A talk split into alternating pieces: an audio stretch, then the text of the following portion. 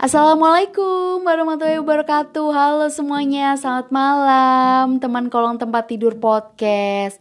Alhamdulillah kita ketemu lagi Gak kerasa ya. Tiap hari kita ngobrol terus di podcast kolong tempat tidur. Semoga semuanya selalu sehat ya teman-teman. Dan jangan lupa untuk selalu patuhi protokol kesehatan Buat yang beraktivitas di luar rumah Kali ini aku akan ngomongin tentang keinginan. Ada apa sih dengan yang namanya keinginan? Ya, mungkin dari kita kebanyakan ini uh, memiliki sebuah keinginan dan aku akan uh, ngomongin tentang keinginanku untuk terbebas dari yang namanya toxic relationship. Mungkin buat kamu udah gak asing lagi kan sama yang namanya toxic relationship. Tapi sebelum itu aku mau tanya deh sama teman-teman di sini, pernah nggak sih kamu ngerasa lelah ataupun tidak bahagia setelah menghabiskan waktu bersama pasangan atau mungkin juga teman-temanmu? Nah, perlu diwaspadai kalau kamu mulai merasakan hal-hal tersebut karena menurut Jor El Carabello, seorang tenaga ahli kesehatan mental asal New York, itu bisa menjadi tanda dari hubungan toksik. Jadi, toxic relationship ini adalah hubungan apa pun antara orang-orang yang tidak saling mendukung, di mana ada konflik, yang satunya berusaha untuk melemahkan yang lain, lalu di mana ada persaingan, di mana juga ada rasa tidak hormat dan kurangnya keterpaduan.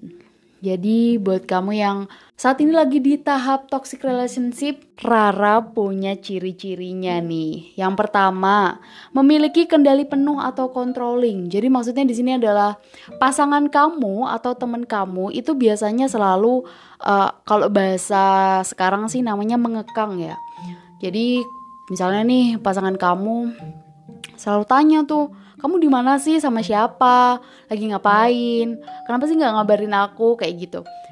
Nah itu sudah mulai masuk ke tahap-tahap controlling. Jadi misalnya kamu nggak ngasih kabar ataupun kamu lupa nih sama janji kamu gitu kan. Mau ketemuan sama pacar kamu atau kamu mau ngerjain tugas kelompok sama teman-teman kamu. Eh tapi kamu lupa. Nah Akhirnya pasangan kamu atau teman-teman kamu ini sudah mulai berani yang namanya memberikan hukuman terhadap kamu. Jadi semacam punishment. Ya udah kalau kamu kayak gitu kamu lupa ya sama janji kita. Ya udah aku nggak akan ketemuin kamu lagi deh. Aku nggak akan makan ya. Nah itu udah termasuk controlling nih teman-teman. Terus yang kedua ini membuat kamu jauh dari keluarga atau teman. Wah ini juga bahaya ya teman-teman karena di sini si pasangan kamu atau teman kamu ini berusaha untuk uh, menjauhkan kamu agar tidak dekat dengan keluarga kamu ataupun pasangan kamu menjauhkan kamu dari keluarga kamu ataupun teman-teman kamu dan harus fokus sama ya udah sama aku aja seperti itu. Lalu sulit berkomunikasi. Jadi sulit berkomunikasi ini adalah uh, di dalam hubungan baik entah itu dengan pasanganmu ataupun dengan teman-temanmu itu di dalamnya ada sebuah ketidakjujuran ataupun ada hal-hal yang ditutup-tutupin. Padahal kalau kita tahu kita berhubungan dengan pasangan atau temen gitu. Itu harus ada keterbukaan walaupun tidak 100% seperti itu. Yang penting uh, jujur. Jadi ketika kita tahu kebenarannya itu tidak akan membuat kita kecewa. Tidak saling lalu tidak saling dukung. Nah, ini maksudnya di sini adalah selalu merasa seperti kompetitor ataupun selalu merasa uh, tersaingi dengan kita. Jadi misalnya, wah, kok si A dia kelihatannya pinter banget sih. Aku harus ini ah gimana caranya aku bisa menandingi si A. Wah, itu udah termasuk toxic aku sedikit bercerita tentang keinginanku untuk terlepas dari hubungan toxic relationship. Sebenarnya sebenarnya toxic relationshipku ini di sini adalah sama sahabatku yang udah mulai SMP dia sahabatan sama aku. Jadi aku SMP tahun 2009. Jadi sekarang 2020 11 tahun. 11 tahun kita sahabatan ke mana-mana selalu bareng, main bareng, bahkan curhat bareng, apa pun bareng sama dia. bukan dia someone ya tapi sama dia sahabat aku gitu. Ya jadi aku punya geng di SMA dan itu salah satunya ada temanku itu anggap aja si A. Nah dia tuh selalu ngerasa kayak oke okay, 11 tahun. Lu udah tahu kekurangan kelebihan gue kan? Jadi dia selalu mengcontrolling temen-temennya apa pun yang dia mau apa pun yang dia katakan dan sebagainya itu kita harus nurutin dia gitu kalau nggak ah ya udah aku nggak akan nyapa kamu aku nggak akan ah, repot-repot buat nyapa kamu nah padahal itu nggak baik kan jadi pernah aku sama dia waktu-waktu itu tengkar gara-gara hal sepele. Jadi di bulan Maret kemarin teman kita tuh nikah.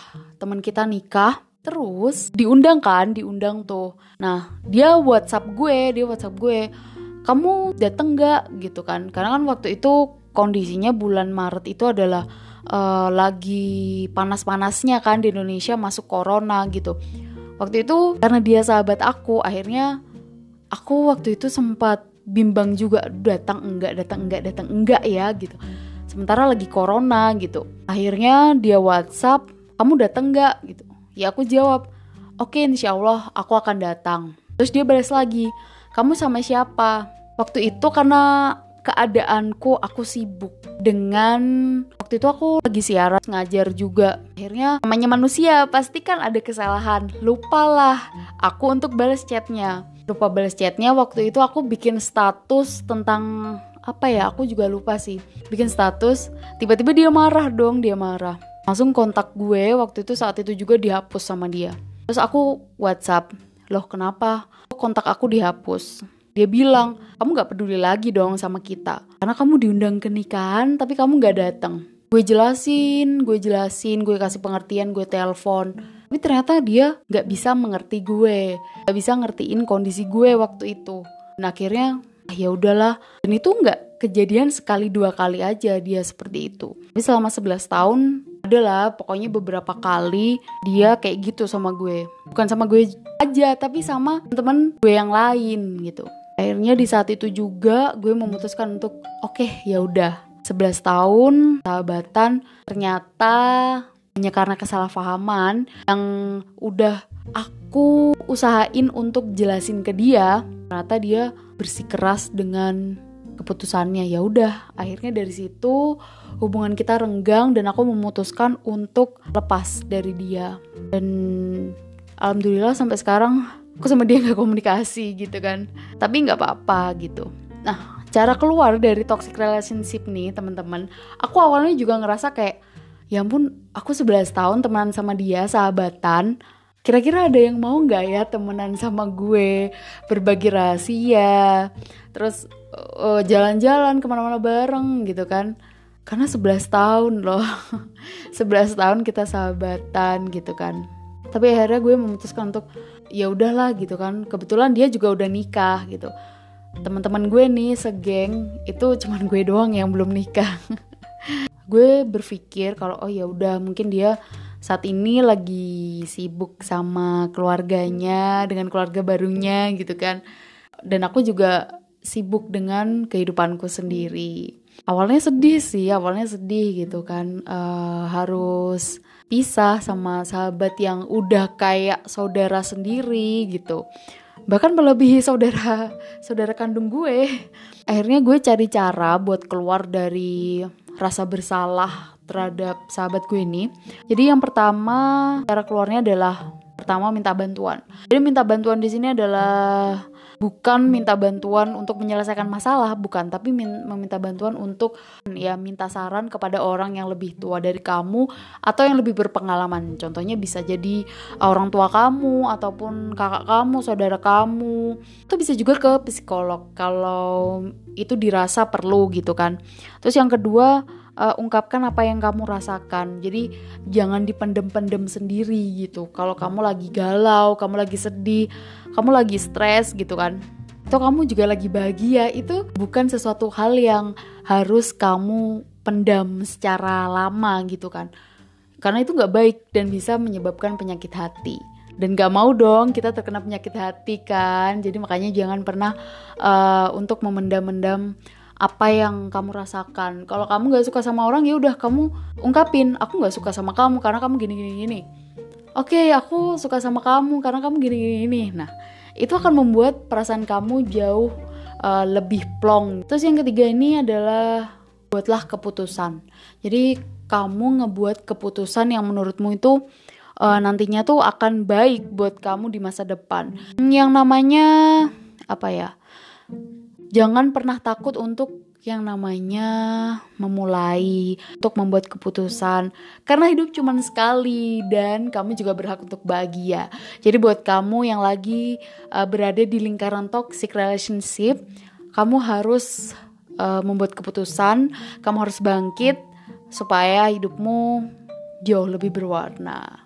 Ini dulu episode tentang toxic relationship. Sampai ketemu di episode selanjutnya Dadah, Assalamualaikum warahmatullahi wabarakatuh. Selamat malam, selamat beristirahat